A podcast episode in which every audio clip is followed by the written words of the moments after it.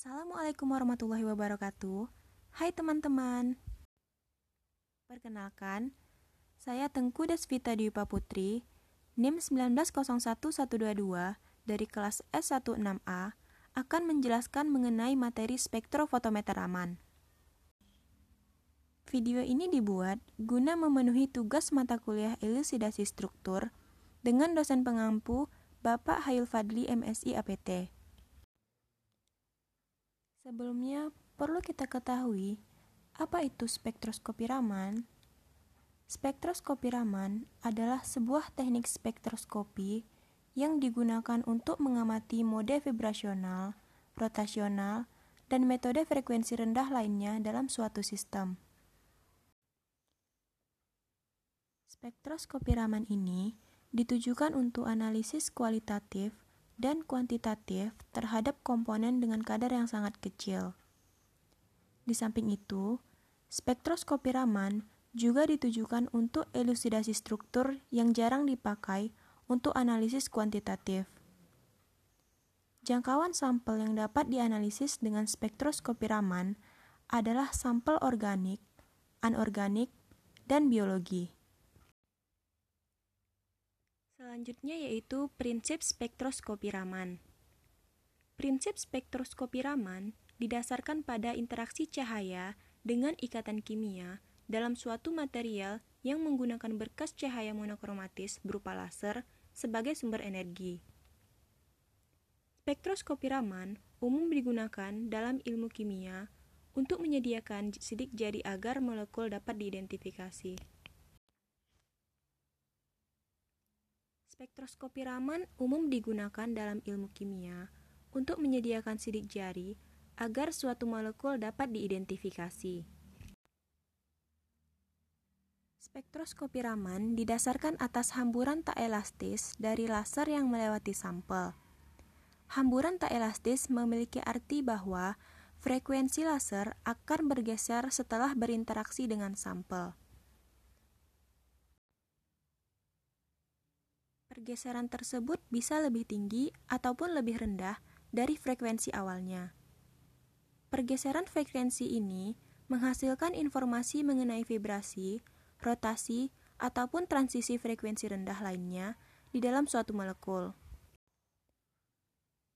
Kebanyakan sinar yang dihamburkan memiliki frekuensi yang sama dengan frekuensi awal laser. Hamburan ini dinamakan dengan hamburan Rayleigh atau hamburan elastis karena frekuensinya yang tidak mengalami perubahan. Dalam spektroskopi Raman, tingkat energi molekul diselidiki dengan meneliti frekuensi yang ada di dalam radiasi yang dihamburkan oleh molekul.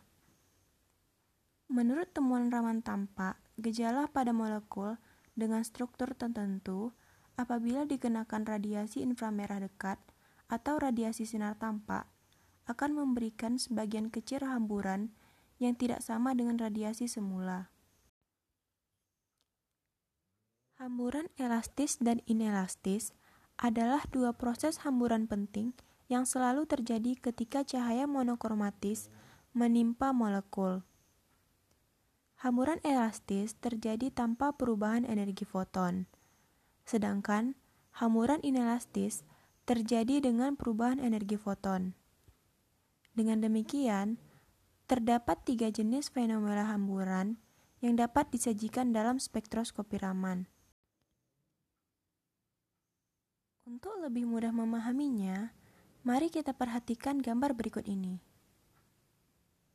Dari gambar ini, terlihat interaksi laser dengan molekul sampel menghasilkan tiga tipe hamburan, yaitu hamburan Rayleigh, hamburan Stokes, dan hamburan antistokes. Di mana hamburan Rayleigh memiliki frekuensi akhir yang sama dengan frekuensi awal, sedangkan hamburan Stokes memiliki frekuensi akhir yang lebih rendah daripada frekuensi awal, dan hamburan antistokes memiliki frekuensi akhir lebih besar daripada frekuensi awalnya. Hamburan Raman yang sinambung akan menghasilkan spektrum Raman. Untuk menggambarkan spektrum Raman serta posisinya terhadap hamburan Rayleigh, diambil contoh radiasi terhadap CCl4 atau karbon tetraklorida seperti pada gambar yang telah dijelaskan sebelumnya. Radiasi sinar tampak monokromatis terhadap CCl4 akan menghasilkan tiga macam hamburan dengan spektrum yang berbeda karena adanya perbedaan eksitasi. Selanjutnya yaitu komponen-komponen penyusun spektrometer Raman. Spektrometer Raman umumnya terdiri dari empat komponen utama, yaitu sumber laser, sampel, pemilih panjang gelombang atau filter, dan detektor. Bila dibandingkan dengan spektrofotometer infrared, spektrofotometer Raman memiliki beberapa keunggulan. Di antaranya yang pertama yaitu adanya pelarut air tidak akan mengganggu terhadap hamburan Raman.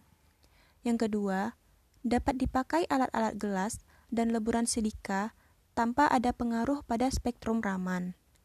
Yang ketiga, dapat dipakai sumber radiasi laser yang jauh lebih baik dibanding sumber radiasi lainnya. Intensitas puncak Raman memiliki beberapa ciri. Yang pertama, semakin meningkat seiring dengan meningkatnya frekuensi sumber. Yang kedua, tidak menguntungkan karena iradiasi dengan sinar UV dapat menyebabkan fotodekomposisi. Yang ketiga, memiliki hubungan logaritmik dengan konsentrasi spesies aktif. Dan yang keempat yaitu lebih menyerupai fluoresensi daripada absorpsi. Spektrum Raman memiliki persamaan dan perbedaan dengan spektrum infrared, di mana persamaannya yaitu beberapa puncak berada pada panjang gelombang yang sama, sedangkan perbedaannya yaitu ukuran relatif puncak dari spektrum Raman dan infrared berbeda, dan beberapa puncak hanya terdapat pada salah satu spektrum saja. Perbedaan antara spektrum Raman dan spektrum infrared ini disebabkan oleh mekanisme dasar dari keduanya yang berbeda, di mana mekanisme dasar dari absorpsi infrared yaitu berupa perubahan momen dipol. Sedangkan mekanisme dasar dari hamburan Raman terdapat pada perubahan kemampuan polarisasi. Contohnya pada molekul homonuklear inaktif infrared, namun aktif Raman pasti menimbulkan puncak yang berbeda antar kedua spektrum. Contohnya pada molekul mononuklear inaktif infrared, namun aktif Raman, pasti menimbulkan puncak yang berbeda antar kedua spektrum. Berikut adalah contoh perbandingan spektrum Raman dan spektrum infrared dari senyawa mesitilena dan indena. Dan berikut ini merupakan Contoh spektrum Raman dari acetaminophen. Oke teman-teman, sekian penjelasan saya mengenai spektrofotometer Raman. Lebih dan kurang saya mohon maaf. Wassalamualaikum warahmatullahi wabarakatuh.